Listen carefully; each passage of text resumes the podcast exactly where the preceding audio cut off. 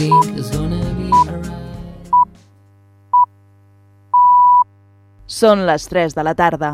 Els caps de setmana d'Altafulla Ràdio, la ràdio del Baix Gaià.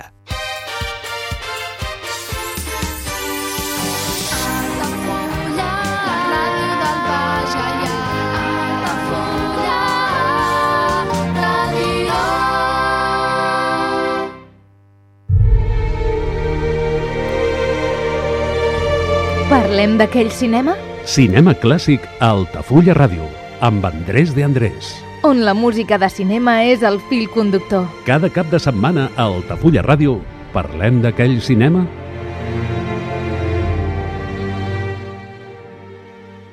Benvinguts a l'espai radiofònic Parlem d'aquell cinema.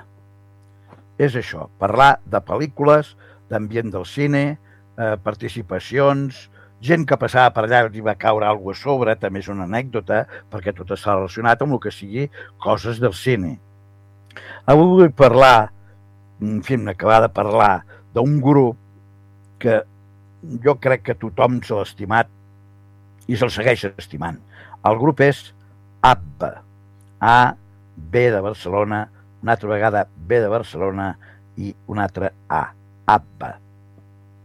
Aquest grup eh, en fi, va tindre ja les seves experiències primerenques perquè són una parella que es van casar i una altra parella que es van casar al cap de poc temps d'haver-se format el grup.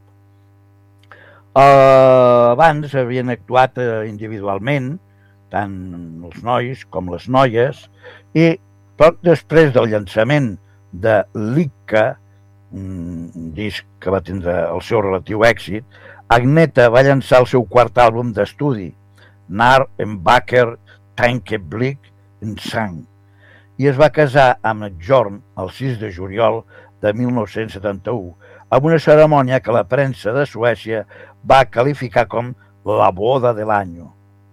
Agneta, Jorn i Benny van començar a presentar-se junts aquest estiu i van aparèixer en alguns concerts i programes de televisió.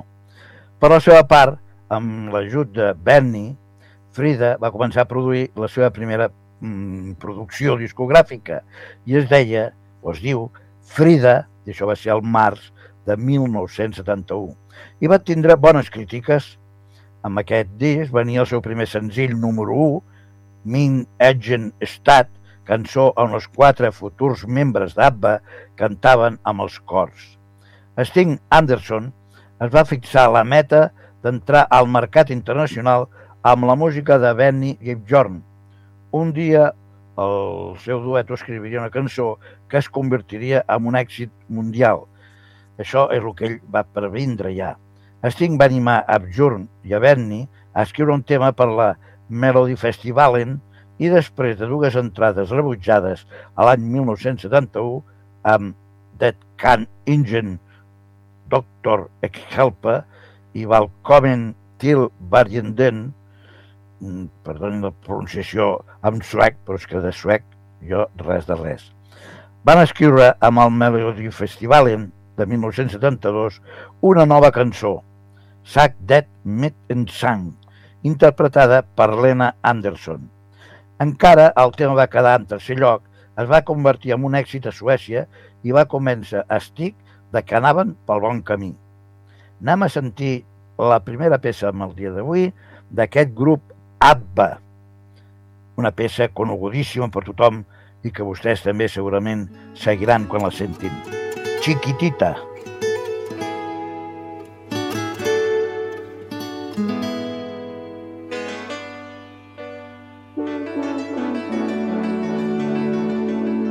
Chiquitita, tell me what's wrong.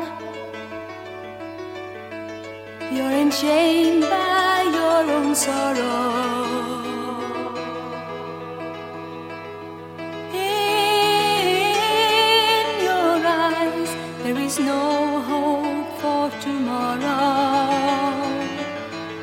How I hate to see you like this. There is no way you can deny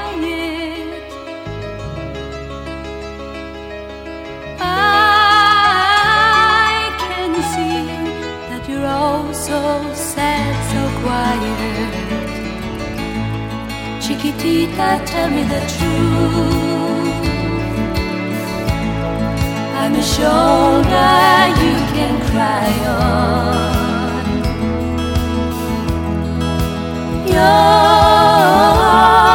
best friend, I'm the one you must rely on.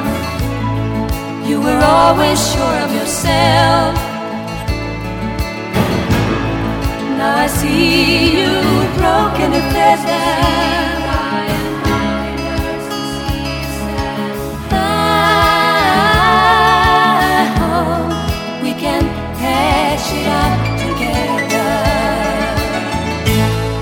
Chiquitita, you and I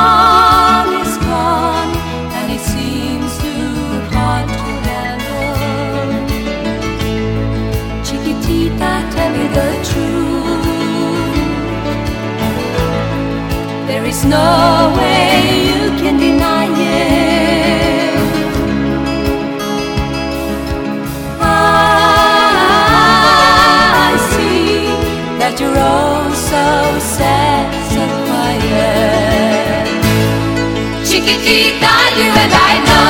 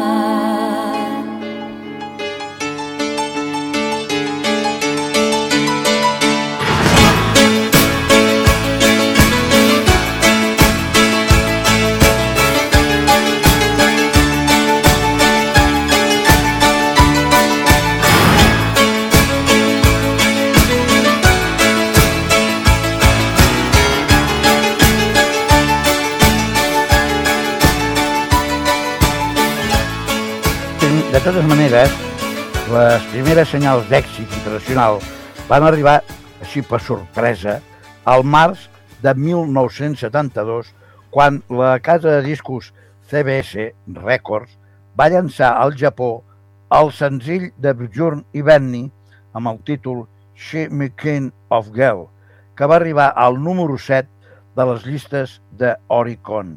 Encara van llançar dos senzills més allà al Japó, Merry Good Drone i Love at Its Ways no van aconseguir repetir l'èxit.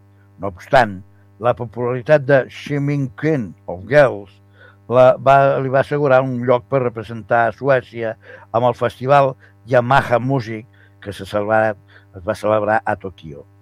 En novembre d'aquest any, Abjorn i Berni viatgen al Japó amb les seves parelles, qui també els acompanyen amb l'escenari interpretant el tema Santa Rosa, que finalment no va tindre cap premi. Un altre tema de ABBA, Fernando.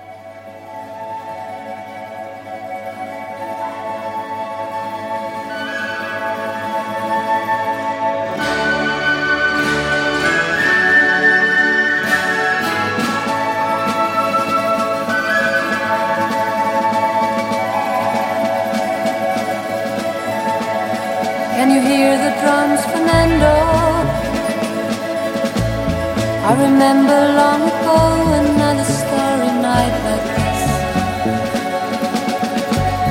In the firelight, Fernando, you were humming to yourself and softly strumming your guitar. I could hear the distant drums and sounds of bugle calls were coming from afar. They were close now, Fernando. Every hour, every minute seemed to last eternally. I was so afraid, Fernando. We were young and full of life, and none of us prepared to die. And I'm not ashamed to say the roar of guns and cannons almost made me cry. There was something in the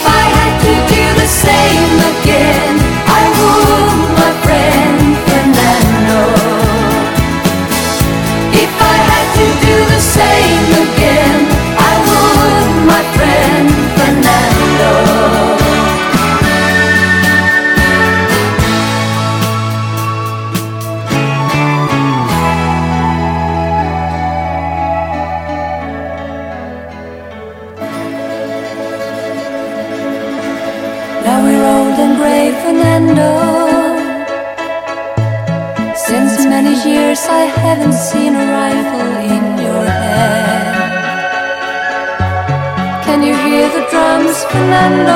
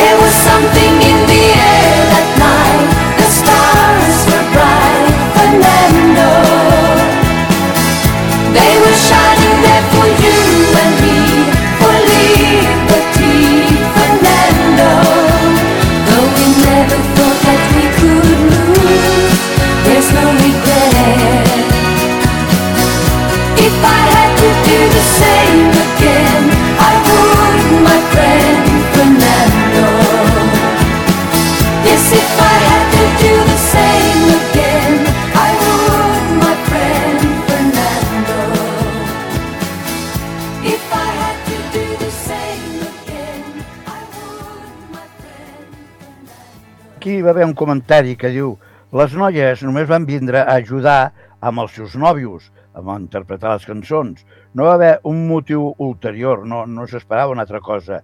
No podia acreditar aquesta gravació a Bènia i a Jorn, que són les noies qui fan funcionar la gravació. Deurien ser també acreditades amb el disc, deurien ser nomenades. Llancin aquest disc Deixin que el públic es familiaritzi amb vostès no com un acte, sinó com un grup. Deixin que el públic digui si hi ha un futur per vostès com quartet. Estic parlant sobre el llançament de Newpel Need Love. I així va ser com va començar el seu primer èxit. El Jorn i Benny van continuar amb les seves composicions i van experimentar amb nous sons i arreglos vocals. Finalment, el 29 de març de 1972, els quatre van gra- gravar una cançó que es deia, o es diu, People Need Love, amb més versos cantats per les dones, i van adquirir les seves veus més importància del que les havien tingut fins llavors. Tots es van entusiasmar amb el nou so i Stig va decidir publicar-lo com senzill a l'any 1972 sota la seva discogràfica Polar Music, degut a que els quatre no havien pensat en crear un grup. El llançament va ser acreditat simplement a Abhorn i Benny. En Neta i Annie Fried, People Need Love, va arribar al número 17 amb la llista combinada de senzills i àlbums allà a Suècia, suficient per convèncer de que es trobaven ja amb un puesto bastant bo. Un altre tema. Voulez-vous? Canten els quatre de ABBA.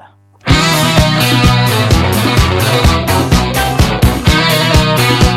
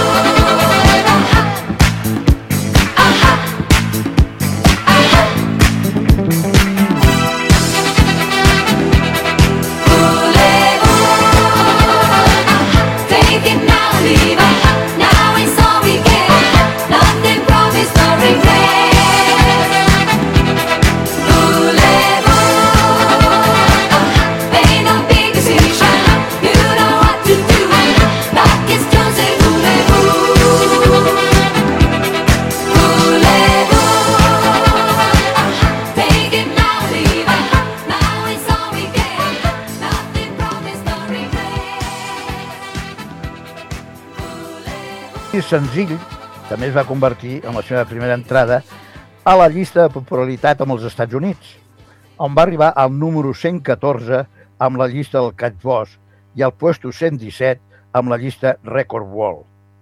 Aquí es, es deien Bjorn i Benny with Svenka Filke i el seu sell discogràfic era Playboy Records. De totes maneres, d'acord amb Stick, New Popple uh, Need Love va, tindre, va poder tindre un èxit més gran, més gran inclús com els Estats Units, però una discogràfica petita com Playboy Records no tenia suficients mèxits ni econòmics ni de distribució per satisfer la demanda perquè va començar a ser important. El 30 d'abril de 1972, els quatre apareixen per primera vegada en televisió com una agrupació amb el programa suec We i Femman, cantant el tema People Need Love. Com el senzill va ser un èxit local, van decidir gravar el seu primer àlbum junts, a pesar de que el formar un grup no era una prioritat per ningú d'ells en aquell moment. No hi pensaven en fer un quartet ja definitiu. Així, les sessions de gravació van començar el 26 de setembre de 1972 i, per octubre, van acabar un parell de cançons. Una pista en particular va incloure les noies com líders vocals, Nina Prat i Ballerina, on les seves veus, posades en harmonia, van donar per primera vegada una idea de la qualitat dels seus talents combinats. En octubre van publicar el senzill Is Your Brothers, que encara no va aconseguir entrar a la llista de ventes, es va posicionar amb el número 1 amb les llistes de la ràdio. El 23 de febrer de 1973 neix Linda Ulvaus, la primera filla d'Agneta i Abjurn. Prèviament, a l'embaràs d'Agneta havia suposat alguns problemes per la promoció dels seus primers senzills durant les primeres presentacions del grup amb Alemanya i Àustria. Agneta va ser substituïda per Inger Brunding, una amiga de Frida. Anem a sentir un altre tema. Dame, dame, dame, o també un altre títol que té aquesta cançó, Un hombre después de la medianoche. Canten Abba.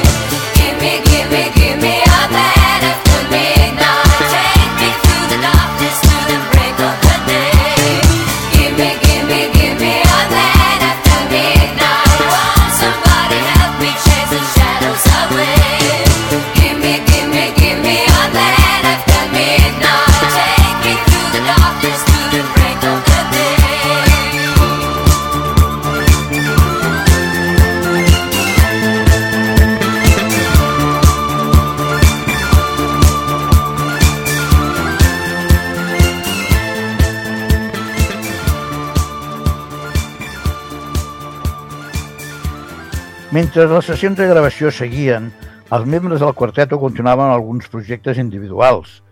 Frida va seguir presentant-se en diversos espectacles de cabaret d'Estocolmo fins l'any 1973. En aquest mateix any, Agneta interpreta a Maria Magdalena amb la producció original sueca de Jesucrist Superstar. Va rebre crítiques favorables. Amb Jorn va seguir treballant ocasionalment amb alguns dels seus companys dels The Outtenanting Singers fins a l'estiu de 1974. El grup i Sting, ara el seu representant, van decidir fer un altre intent per al Melody, Melody Festivalen, aquesta vegada amb la cançó Ring Ring. Les sessions de gravació es van realitzar amb l'enginyer de so Michael B. Tritow, qui va experimentar amb el Wolf of Sound, una tècnica de producció musical que es va convertir en el particular so d'ABBA. El Wall of Sound consistia en gravar la melodia amb una cinta mestra, creant posteriorment diverses còpies d'aquesta cinta i reproduint-les amb una separació de mil·lísimíssims segons, de manera que es dupliqués el número d'elements que s'escoltaven amb una pista i aconseguint així un so més fort i clar.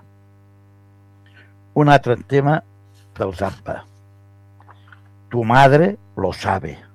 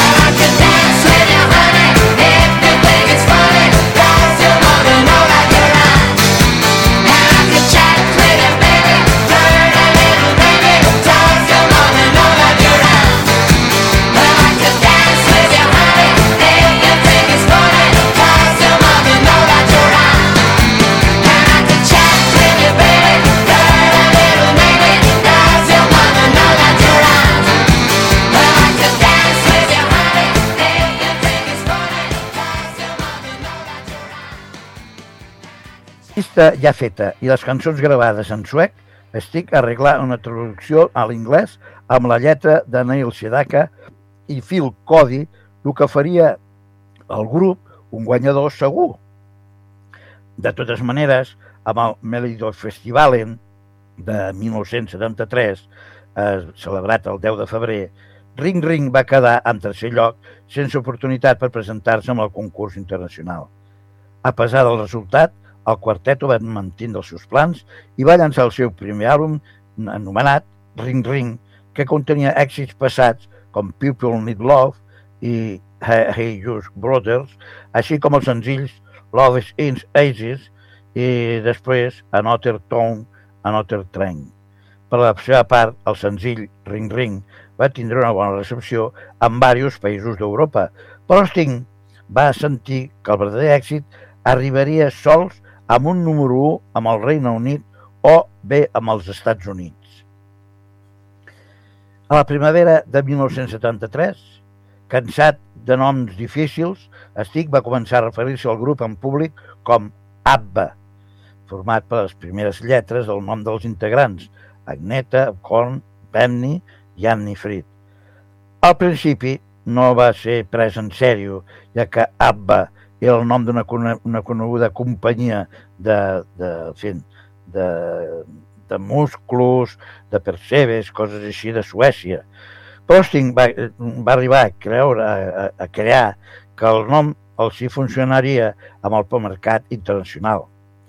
No obstant, un diari de Gothenburg va anunciar un concurs per trobar un nom adequat per la banda.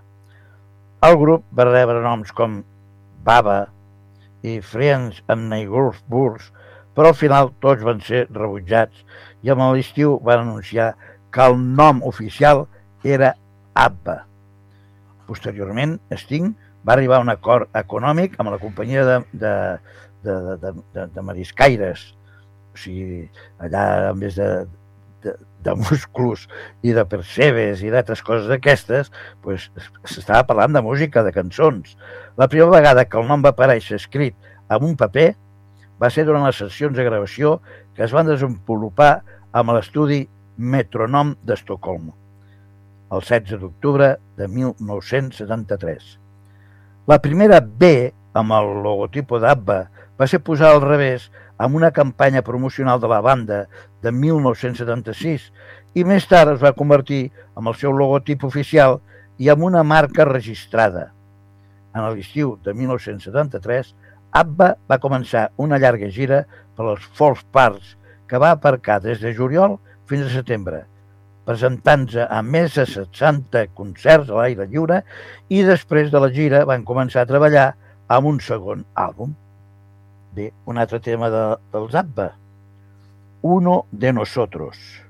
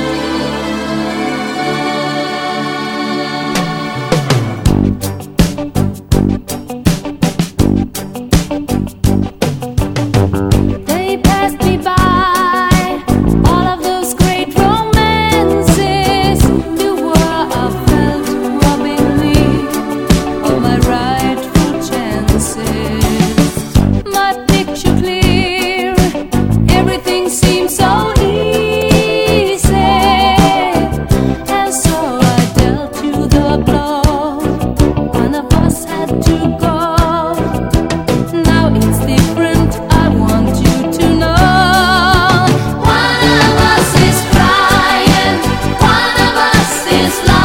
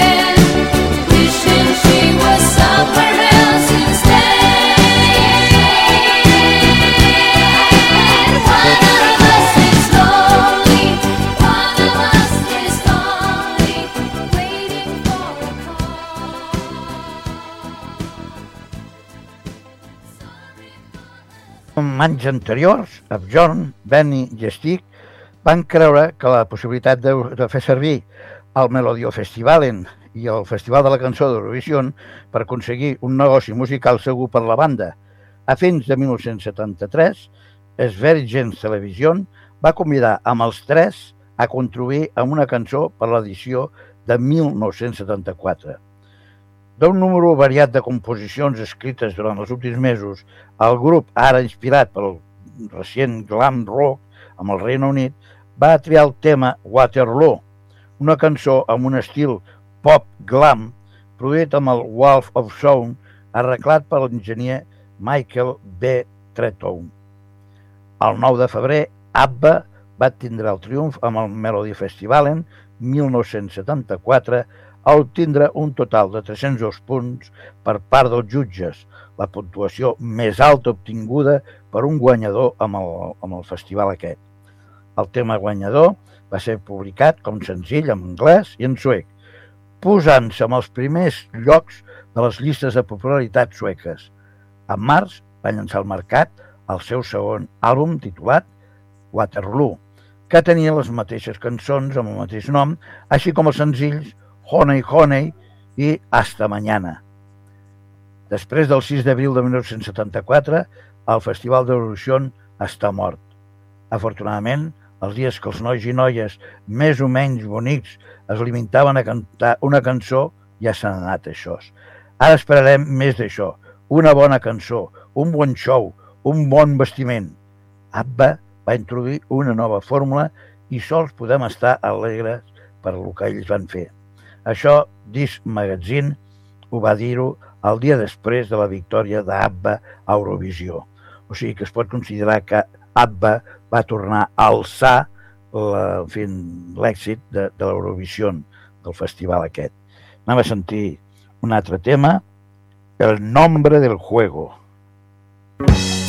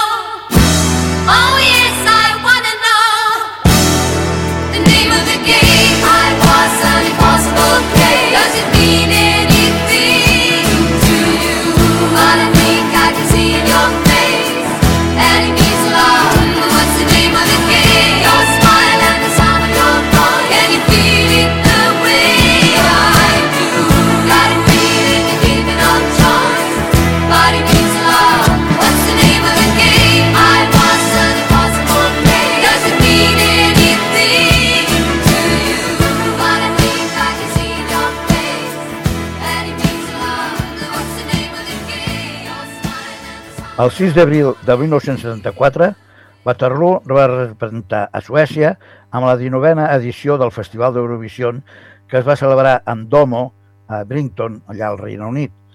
Durant la seva presentació, els quatre membres d'ABBA van vestir uns vestimentes molt cridaners dissenyats per Inger Svenke i el director d'orquestra, Sven Olof Waldorf, es va disfressar com Napoleón Bonaparte, a pesar de que la interpretació vocal dels quatre no va ser precisament la millor. El número en si va trencar amb diversos estereotipos propis del festival.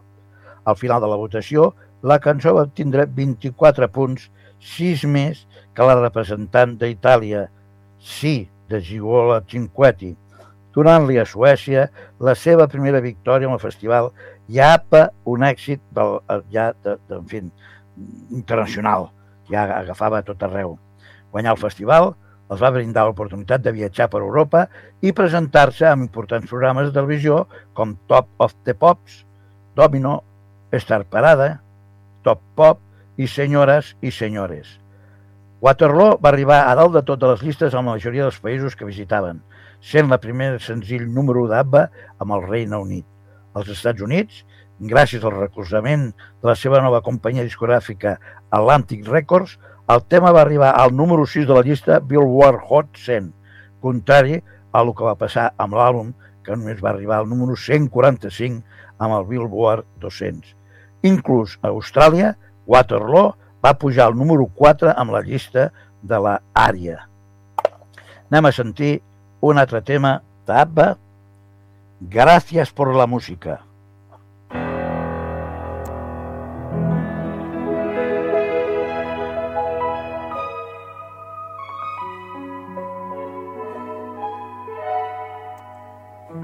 I'm nothing special. In fact, I'm a bit of a bore. If I tell a joke, you've probably heard it before. But I have a talent, a wonderful thing. Cause everyone listens when I start to sing. I'm so grateful and proud. All I want is to sing it out loud. So I say,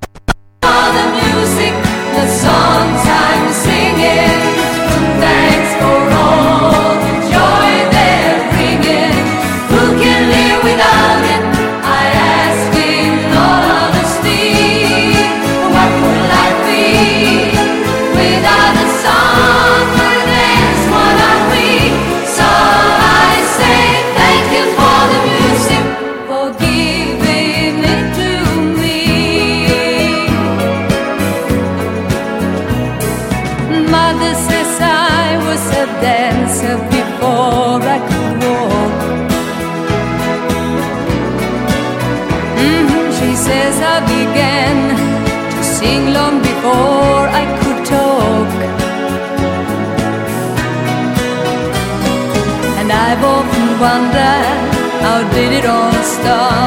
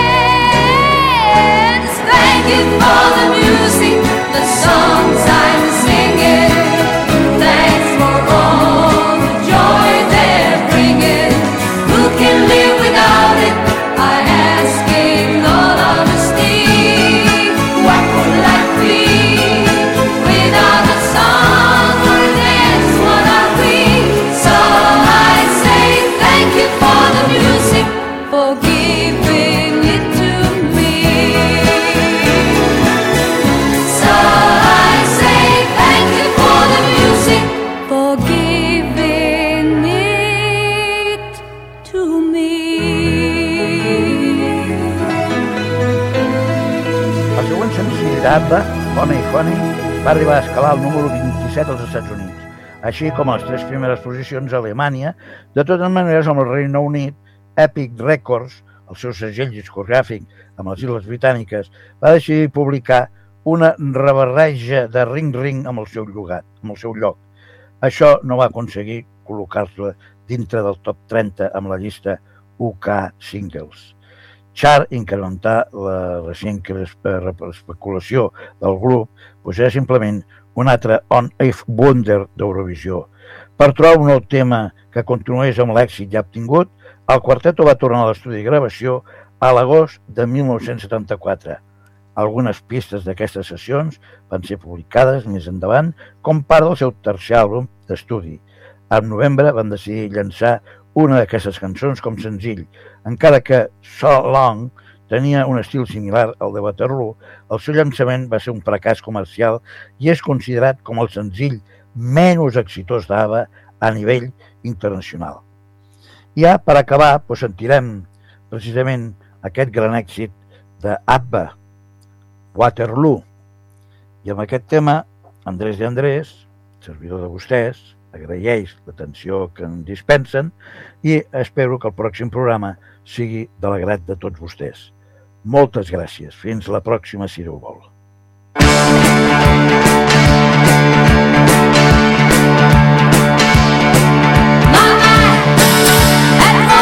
My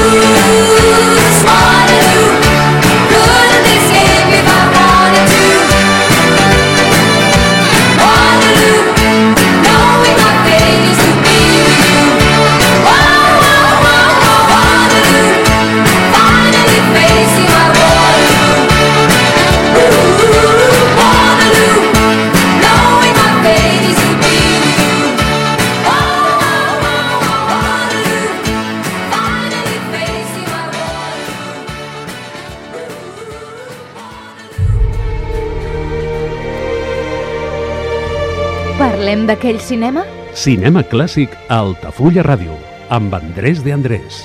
on la música de cinema és el fil conductor. Cada cap de setmana a Altafulla Ràdio parlem d'aquell cinema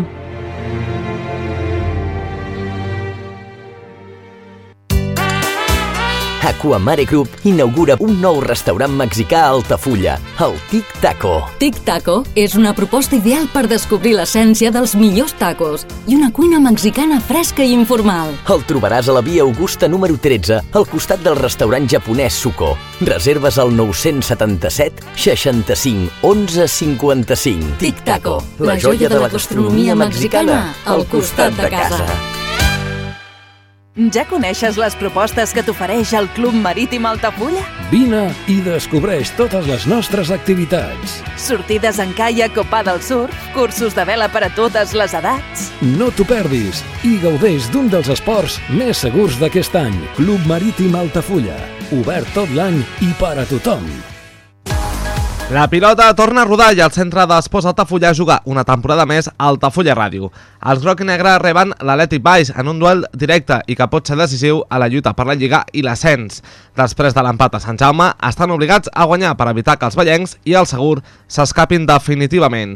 Aquest dissabte, a partir de les 5 de la tarda, segueix el partit en directe a través del 107.4 de la freqüència modulada, al web 3 www.altafullaradio.cat, l'aplicació per a dispositius mòbils o la televisió digital terrestre.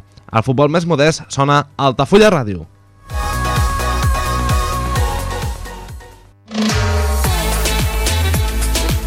Vols anunciar-te a la ràdio? A la plaça del Pou? Al pavelló poliesportiu? Cap problema. Truca al 635 83 30 94 i parla amb el nostre comercial. Així de fàcil. I quins preus?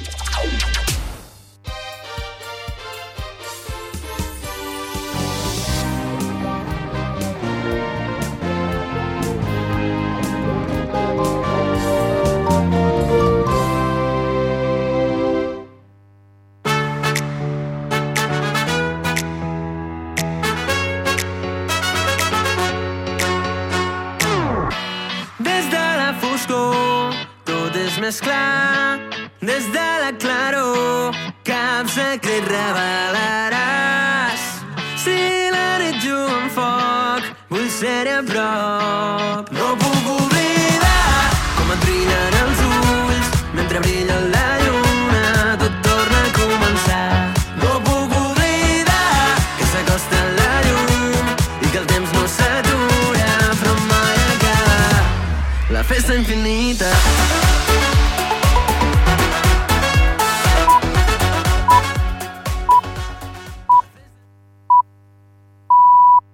Són les 4 de la tarda. Els caps de setmana d'Altafulla Ràdio, la ràdio del Baix Gaià.